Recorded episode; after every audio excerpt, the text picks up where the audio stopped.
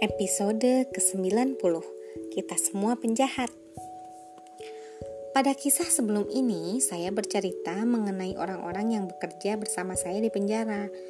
Tetapi pesannya berlaku juga bagi siapa pun yang mendekam dalam penjara rasa bersalah. Kejahatan yang menyebabkan kita merasa bersalah, apalagi yang telah kita lakukan pada hari itu, pada tahun itu, dalam hidup ini Bisakah kita melihat bata lain di tembok? Bisakah kita memandang melampaui perbuatan bodoh kita yang menyebabkan rasa bersalah kita?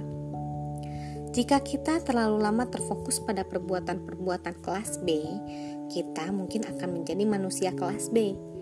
Itulah sebabnya mengapa kita tetap mengulang kesalahan kita dan menimbun rasa bersalah kita.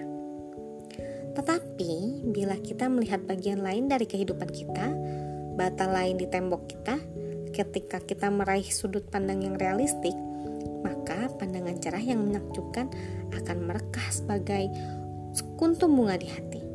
Kita layak dimaafkan.